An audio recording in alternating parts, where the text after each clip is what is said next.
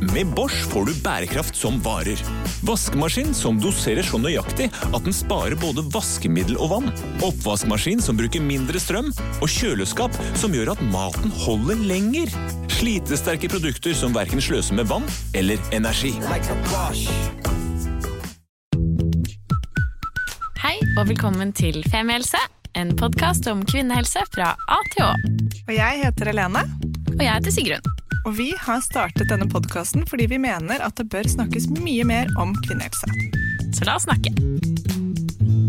Hallo, velkommen til en ny episode. Velkommen inn. Av. Femihelse. Ja. ja. I tilfelle du trodde Nei, du nå tenkte jeg vi skulle ta sånn annethvert ord. Å ja. Velkommen til ny. ja. Nei, Du var falt ikke med på leken som vanlig. Nei, falt helt av, jeg. um, ja, i dag skal vi snakke om overgangsalder igjen. På Eh, tide, spør du meg. Ja. Det er jo eh, noe eh, alle med livmor skal igjennom en eller annen gang. Sånn er det. Og jeg har jo lest at de uten livmor går jo også gjennom dette i aller er høyeste grad. Altså I boken vår så skrev vel dette, Helene, at menn faktisk opplever veldig mange av de samme symptomene. Det er bare det at, ikke, altså, at veldig mange melder ikke fra om det. Godt poeng. Ja. Men det tenker jeg vi kan spørre eksperten vår om. Det skal ikke jeg sitte og være skråsikker på dette her, fordi jeg har googlet menn pluss og nå hete te- doktor. Ja, fordi det jeg egentlig tenkte litt på nå, var at vi skal snakke om eh, livmorsiden av det. Ja, aller Ja, mest. mm, aller mest. Herlig. Um, med oss har vi da eh, fastlege Marianne Nattvik. Velkommen til oss. Takk for det. Kan ikke du bare introdusere deg selv kort? Nå ga jo jeg liksom hovedtrekkene med navn og tittel, men uh, hva jobber du med? Hva gjør du? Ja, jeg er fastlege på Grünerløkka på Markveien legesenter. Og er vel en fastlege med litt sånn stort hjerte for kvinnehelse. Så jeg syns det er utrolig stas å få være her og få snakke om dette. Og kanskje særlig overgangsalderen er jeg opptatt av å sette på agendaen. For det syns jeg er en periode vi ikke er så flinke til å prate om. Ja, for hvorfor brenner du for dette temaet, Marianne? Nei, Det er sikkert fordi jeg nå blir straks 43 og skjønner at jeg skal dit selv. Og jeg tror, eh, ikke bare på overgangsalderen, men i mange faser av livet, så er det å ha kunnskap eh, gjør at vi takler en periode bedre. Vi takler de situasjonene vi kommer i bedre hvis vi kan noe om det, da.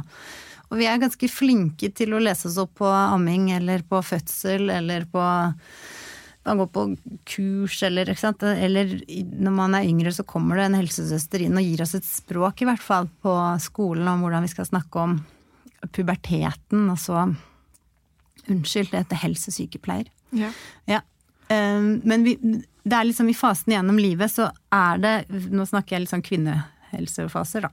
Um, så er det noen som snakker med oss om det, men dette med overgangsalderen er det ingen som tar opp. Og så er det kanskje litt sånn på en måte litt tabubelagt fordi vi knytter det til å bli eldre, og det er jo ingen som har lyst til å bli eldre. Og så er jo disse symptomene, de er jo ikke så veldig De er litt sånn usexy på noe vis. Vi svetter og vi blør og vi er irritable og humørsyke og så Vi putter det litt sånn under teppet og kanskje snakker ikke så mye om det. Mm. Også, men hva er det som, når er det de aller fleste kommer i overgangsalderen? Ja, det med overgangsalderen, det er jo mange ord i dette med overgangsalderen. Eh, også, sånn at selve overgangsalderen er jo perioden rundt den tiden hvor du mister menstruasjonen. Og det å miste menstruasjonen kaller vi menopause. Siste menstruasjonen. Det er i Norge mellom 52 og 53 år. Så det er siste menstruasjonen. Men symptomene før man kommer dit, kan starte for mange opptil fem, kanskje enda mer enn fem år før. Så, men jeg opplever det at jeg kommer av og til sant, på, på legekontoret, så tar vi celleprøve, og så tenker jeg nå skal jeg benytte sjansen og tar jeg alt dette. Har dere kjent hør, er det noe hetet dokter, eller hvor det er noen blødningsforstyrrelser? Altså. Er det da mange som blir sånn, ja men det er jo lenge til, tenker de når de er sånn i min alder, da. Og tenker jeg nei, det er nå vi må lese oss opp på det. Og vi er jo litt sånn rare, da. Vi syns kanskje, og det er kanskje litt der jeg kjenner jeg er selv nå, at det, det er lettere å lese om noe og lese seg opp på det kanskje før man er, står midt i det. Når du sier plutselig hetetokten er der, så er det greit å vite hva, vite hva den er, istedenfor at den kastes, kastes over deg og du Er jeg syk, eller hva er det for noe? For det er også ofte et problem, ikke sant. At når man ikke helt skjønner hva det er som skjer, så man blir annerledes og lurer på om det er noe galt med seg. Med en. Ja. Og så er det en del som kommer i tidlig overgangsalder. Eh, vet du noe om årsakene til det? Jeg tror ikke jeg skal drive og spekulere så mye i det. Man kan selvfølgelig få medisiner som gjør at du kommer til overgangsalderen, eller du fjerner eggstokkene. Men utover det så jeg vet ikke om man alltid vet hvorfor heller, alltid. Nei. Nei. Men eh, vi, vi har også hørt at eh, man ofte arver på en måte eh, overgangsalder av sin mor. Mm. Så vi har jo snakket om det i forrige episode også, at det er en samtale man burde, hvis man kan, ta med moren sin. Ja. Når tror du du kom i overgangsalderen? Ikke sant? Og så er det jo ikke alle mødre som vet det. Kanskje de har hatt en form for hormonprevensjon som hormonspiral inne, som har gjort at ikke de fikk med seg helt når mensen forsvant, eller at ikke de la merke til det før. Å ja, nei, nå var det over. Og så er det noen som kan si hei. 10. Du, det- april. det- 10. april, da kom første etetokk. Det varte i tolv år. Eller lykke til, jenta mi. Men, men t- ah, Stemmer det at det er så arvelig? Ja, det er sånn med mange kvinnehelseting, også fødsler og litt sånne ting også, at man kan arve og være litt lik mammaen sin. Eh, Men det er som med mange andre ting, aldri en fasit. Men det er liksom et fint utgangspunkt å starte praten kanskje hos der. Hvordan var det for deg? Og så kan man tenke ok, hvis det er sånn for deg, kan jeg gjøre noe Hvis jeg får det på denne måten, kan jeg gjøre noe for å hjelpe meg selv. Og så er det uten, uten å liksom kaste den brannfakkelen på det hele, men hvis man anser at man begynner å bli liksom mer eller mindre ufruktbar, da, for å si det sånn, sånn ti år, kanskje før man ha, kommer inn i menopause, at det kan også si noe om hvor god tid du har på å få barn. Så la oss si at moren din sier nei, du, jeg hadde vel siste menstruasjon da jeg var 50. Da er kanskje 40 grensa for når du kan få barn, da, for deg selv også. Men hvis hun sier sånn nei, du, jeg, for meg så var overgangsalderen det tror jeg må ha skjedd i midten av 40-årene. Da har du litt dårligere tid, kanskje. Ja. Og så er det selvfølgelig igjen, det er ingen av fasit, og det er ikke noe sånn 100% sikkert på disse tingene her, og det er mange andre faktorer som spiller inn, men uansett en interessant diskusjon å ha som kan si noe om din egen fruktbarhet. da. Um, som jeg i hvert fall har opplevd at flere venninner av meg har delt, at de har tatt den praten og fått liksom aha, ok, greit, da har jeg så god tid eller så dårlig tid. Mm. Men ja.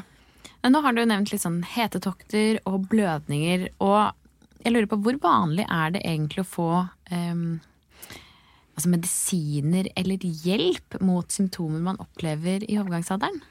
Er det mange som trenger det? Det er sånn i overgangsalderen at eh, symptombildet er fordelt litt i tre grupper. Det er en gruppe som nesten bare skled gjennom og bare oi, plutselig var menstruasjonen borte, og så skjønte man at man var ferdig med det. Eh, Og så er det en tredjedel som har en del plager, men lever ganske greit med det. Eh, Og så er det en tredjedel som er ganske plaget. Og for den tredjedelen så tror nok jeg at mange kan ha glede av noen form for øh, hormonbehandling, da.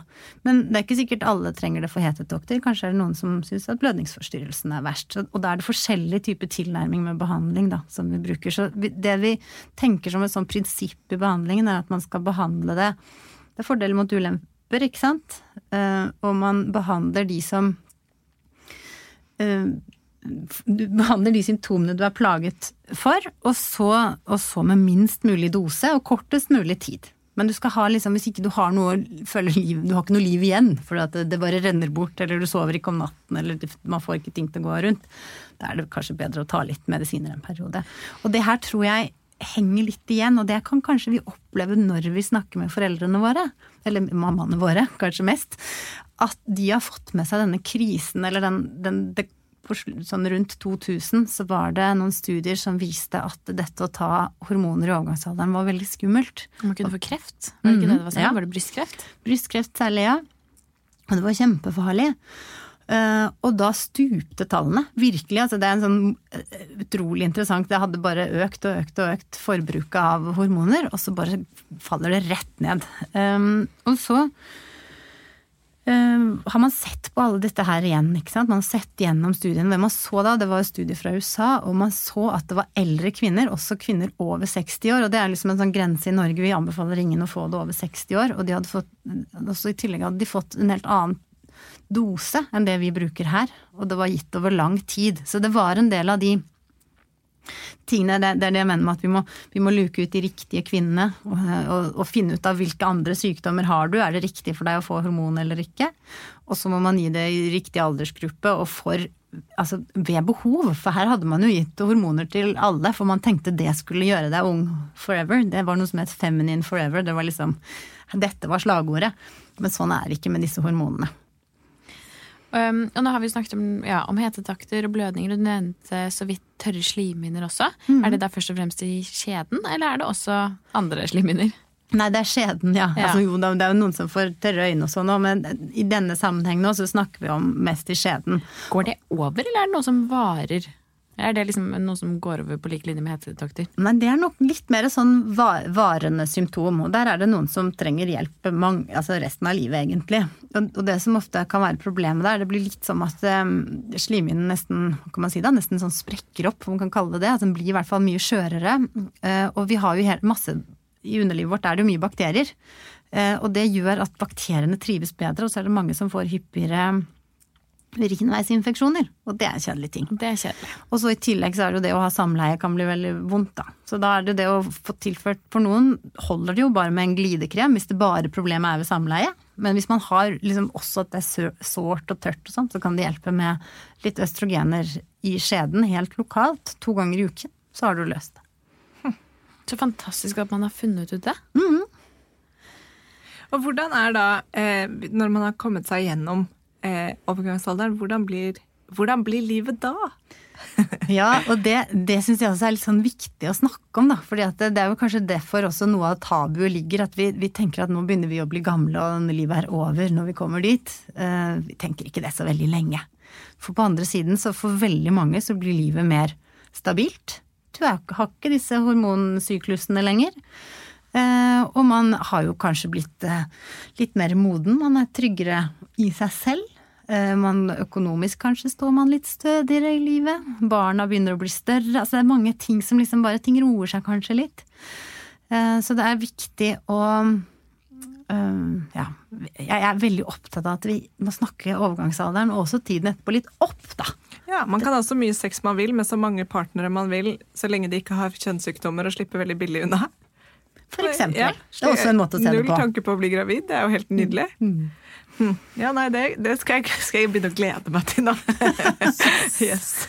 Føles det å bli 35, eller Nei, det var greit, men vet du hva jeg, jeg gleder meg til? 60! Yay!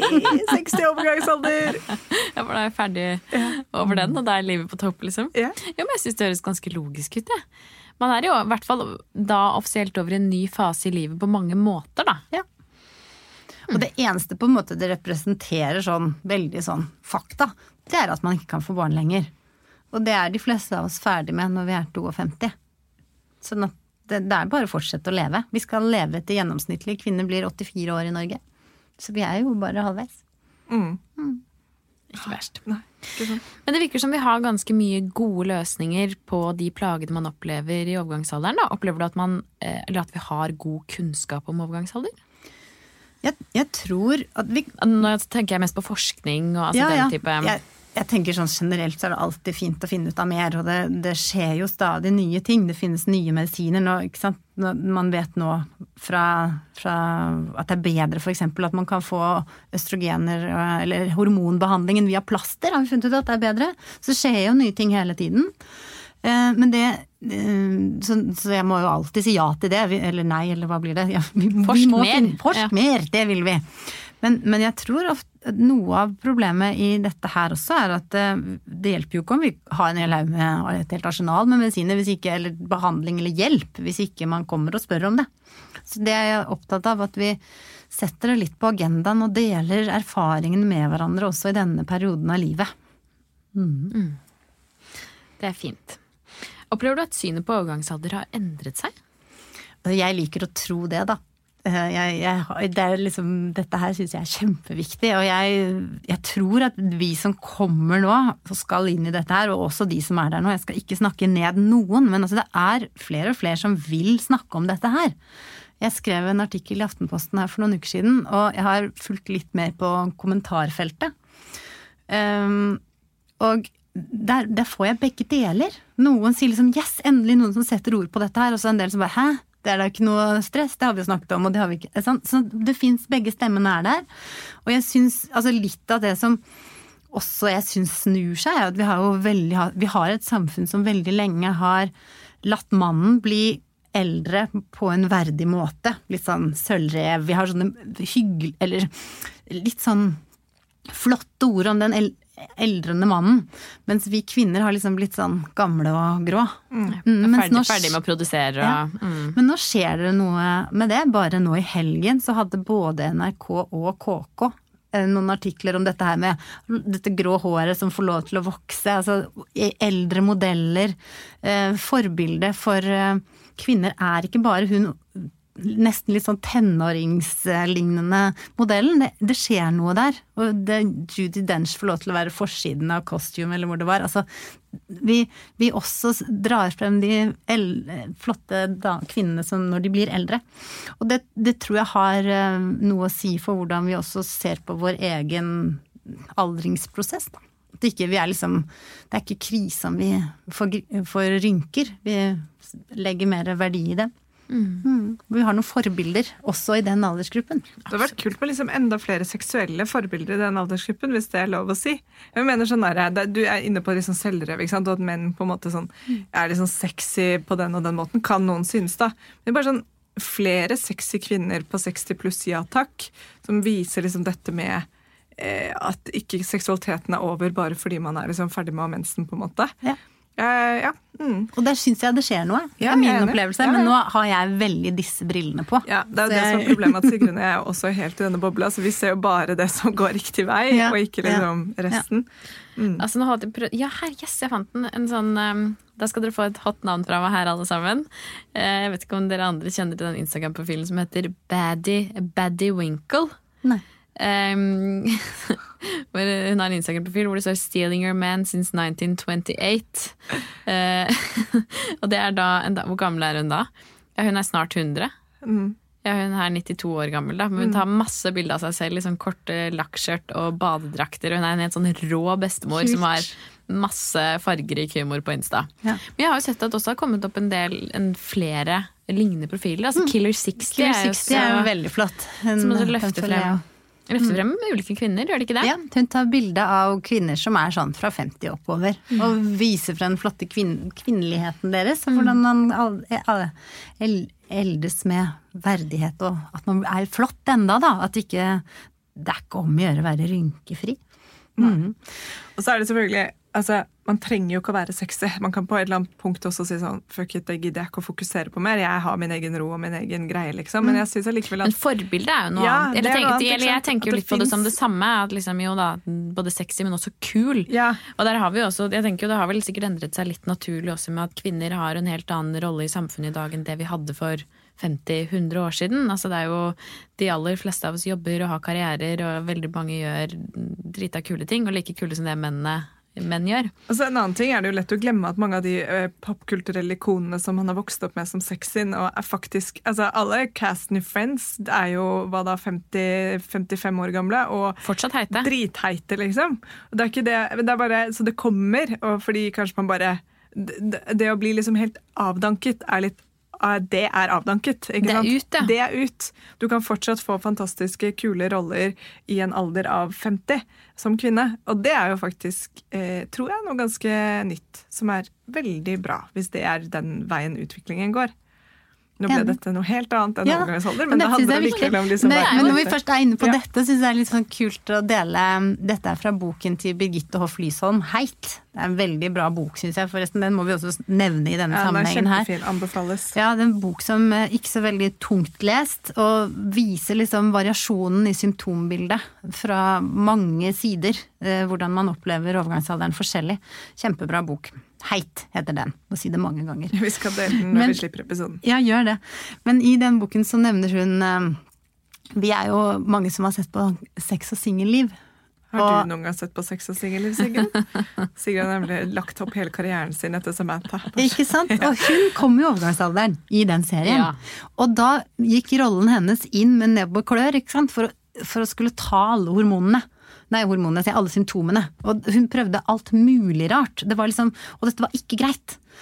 Mens hun som person, personlig når hun ikke er skuespiller, hun husker ikke hva hun heter, men hun I hvert fall da så har hun jo på en måte vært litt lei seg i ettertid over at hun hvis den rollen hadde tatt, gått inn i overgangsalderen på en annen måte, med verdighet, med verdighet mm. så hadde vi kanskje liksom kunnet eh, sett litt opp til henne i dette, da. Men det passet seg ikke den Nei, gangen. Det var mye god humor i det. Men det sånn i retrospekt ja, så kunne man, er det jo sånne type serier som kan være med å bidra til å gjøre en forskjell. Ja, og hun har jo eh, nå i ettertid gått inn i veldig sånn i den at vi skal være åpne og må snakke mer om overgangsalderen og gått inn i en kampanje for det. Mm. Mm. Så fint. Um, jeg har egentlig et litt sånn siste spørsmål, uh, og det er uh, um, dette med at Mener du at Eller hva tenker du om at det er veldig mange kvinner som åpenbart da opplever symptomer i forbindelse med overgangsalder? Og av de kvinnene, er det mange nok som ber om hjelp? Eller er det veldig mange som tenker at det er bare sånn det skal være å være kvinne, og bare står i det? Det skulle jeg ønske jeg visste litt mer om. Fordi det hadde vært så fint å kunne slå litt mer i bordet og si, vet du hva, nå er dere alle dere der ute som ikke kommer, kom da. For det er vel ikke nødvendigvis sånn at man kjenner sånn ok, nå er jeg kanskje i overgangsalderen, nå må jeg løpe til legen. Nei, fordi dette her er jo noe alle kvinner på jordkloden går gjennom, ikke sant? Eh, sånn at vi, vi tenker jo på det som noe normalt, men jeg syns dette her kanskje kan ligne litt på dette med menstruasjonssmerter. Vi får beskjed om at menstruasjonssmerter skal være vondt. Og så er det noen som har så vondt at de nesten er hjemme en gang i måneden og sier ikke til noen. Det er ingen som helt skjønner det heller, hvorfor de er borte en gang i måneden. Eh, sånn at vi, Man må liksom kjenne litt på hvor terskelen er for seg selv, da. Men jeg syns at vi Det å snakke med legen sin om dette på et tidspunkt hvor det kanskje passer seg. Jeg syns det tidspunktet når man tar celleprøve er en ganske fin mulighet. Da er man jo litt inne i de gatene allerede, sånn temamessig. Uh, og så da på en måte høre litt ok, nå har jeg det sånn, det, hva tenker du, skal vi gjøre noe? Altså, det der å få en litt sånn plan rundt det kan være fint hvis man har lyst til å forberede seg litt. Mm. Og også bare ikke føle at man kanskje sitter mutters med det og ikke vet hvorvidt dette er normalt eller ikke. Fordi mm. hvis man ikke snakker så mye om det i venninnegjengen, eller altså, at det oppleves som et liksom fremmed univers, Mm. så er det jo fint å snakke med legen sin om det. Absolutt. Absolutt. Selv om det kanskje ikke er så akutt. Så fint. Jeg vil alltid liksom på eh, komme med en oppfordring om denne episoden her, at man kanskje deler den med noen. Eh, at man deler denne litt sånn aktivt seg imellom som en sånn samtalestarter. Ja, veldig fint. Så hvis man er på vei inn i overgangsalder, eller kanskje bare sender den til moren sin, eller noen som, egentlig hvem som helst, og bare har den som en sånn okay. Også på vår alder, tenker jeg. Ja, At det er, praten, liksom. Kunnskap er trygghet, også når det kommer til det som kommer om en stund. Mm, For plutselig her har du en venninne som står der i tidlig overgangsalder, og så ja. mm. Og hvis vi har tenkt på dette her i ti år, og når man da kommer dit, så er det liksom å ja, nå var jeg jo der. Dette har jeg jo hørt om før. Da er det ikke så skummelt. Og det, det var jo min oppfordring i Aftenposten også, at vi må få et språk som vi tør å snakke om dette. Og vi må bare begynne et eller annet sted. Og det er jo det vi driver med nå. Og der vil jeg bare avslutte med det at um, gutta går også gjennom dette her. Mm. De rapporterer jo egentlig mindre om det, men de får også hetetokter, og det endrer seg testosteronnivåer, og ting skjer med dem også. Sånn at uh, det er ikke som at vi er de eneste som har en endring nå på en måte liksom når man er rundt 40-50-60. Det er uh, Det som kan si, si to ord om det, selv om vi egentlig holder på å avslutte. Eh, Men der, de får det det mye mer gradvis. Ikke sant? Mens vi får det liksom uff, Det blir en periode som er litt intens, men gutta de får lavere og lavere testosteronnivå mye mer gradvis. Derfor så sniker det seg nok litt under radaren hos dem. Men man forandrer seg, og man blir eldre, og så godtar man det litt mer i den, den gaten der. Kan du Også, ikke fortelle litt om det, da? Når begynner det som regel for gutta? det kan jeg ikke si så mye om, fordi Nei. det er så gradvis. Ja. Tror, vi snakker ikke om det på den måten, egentlig. Kan man si noe om symptomer for de? Altså, de, de, øhm, det, eh, ereksjonssvikt er jo en av tingene, og så er det litt sånn omfordeling av øhm, fett i kroppen. Eh, og vi vet at sant, de har noe østrogen, gutter også. Eh, sånn at hvis de legger på seg, så når de legger på seg, så får de også mer østrogen, så da kan de få litt mer kvinnelige former. Det er ofte menn, Eldre menn får ofte litt mer pupper, og det er jo fordi at da har de østrogen der, og så har de mindre testosteron som veier opp for det. Så det er litt sånn endring av kroppsfigur, og man kan nok føle jeg, jeg, jeg tror ikke jeg skal være utdype meg som noen ekspert på overgangsalderen hos menn, men det jeg har lært, er at man gutter kan, eller menn kan ha god glede av å trene seg ut av det. Det der å ho- opprettholde muskelmassen sin og være i form er veldig bra for dem. Den, det er jo alltid bra for oss alle, så det må jo vi jentene gjøre òg, men vi klarer ikke å trene oss ut av hetetoktene våre. Det er vanskelig. Interessant. så fint. En liten oppsummering om eh, machohelse på slutten her. så bra. Eh, tusen takk, Marianne. Er det noe vi har glemt, da? da har vi liksom Nei, jeg tror vi, vi må bare oppfordre alle til å snakke sammen. Ja. Kjempeviktig. Snakk i vei. snakke i vei. Så bra. Takk for at dere hørte på. Takk til deg, Marianne. Ja, Takk for meg. Vi høres. det gjør vi. Ha det. Ha det. Tusen takk for at du hørte på podkasten vår. Selv om det forhåpentligvis kommer tydelig frem, så vil vi understreke at vi ikke er helsepersonell. Ja, så som vanlig, kontakt legen din om du har noen spørsmål, eller om du skal begynne på noen form for behandling. Og har du et tema som du har lyst til at vi skal snakke om, eller noe ris eller ros, så send oss gjerne en melding på Facebook eller på Instagram. Der finner du oss under Femihelse. Og du kan gjerne rate oss på iTunes, det er skikkelig hyggelig for oss. Ha en fin dag! Ha en kjempefin dag!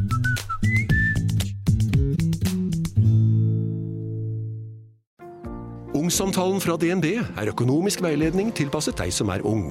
Bokk en ungsamtale på dnb.no. slash ung. Det er kjempebra hvis du skal inn på boligmarkedet, hvis det er drømmen din, liksom. Det er det du skulle sagt. Og så kunne du ropt litt mer, da, sånn som jeg gjorde.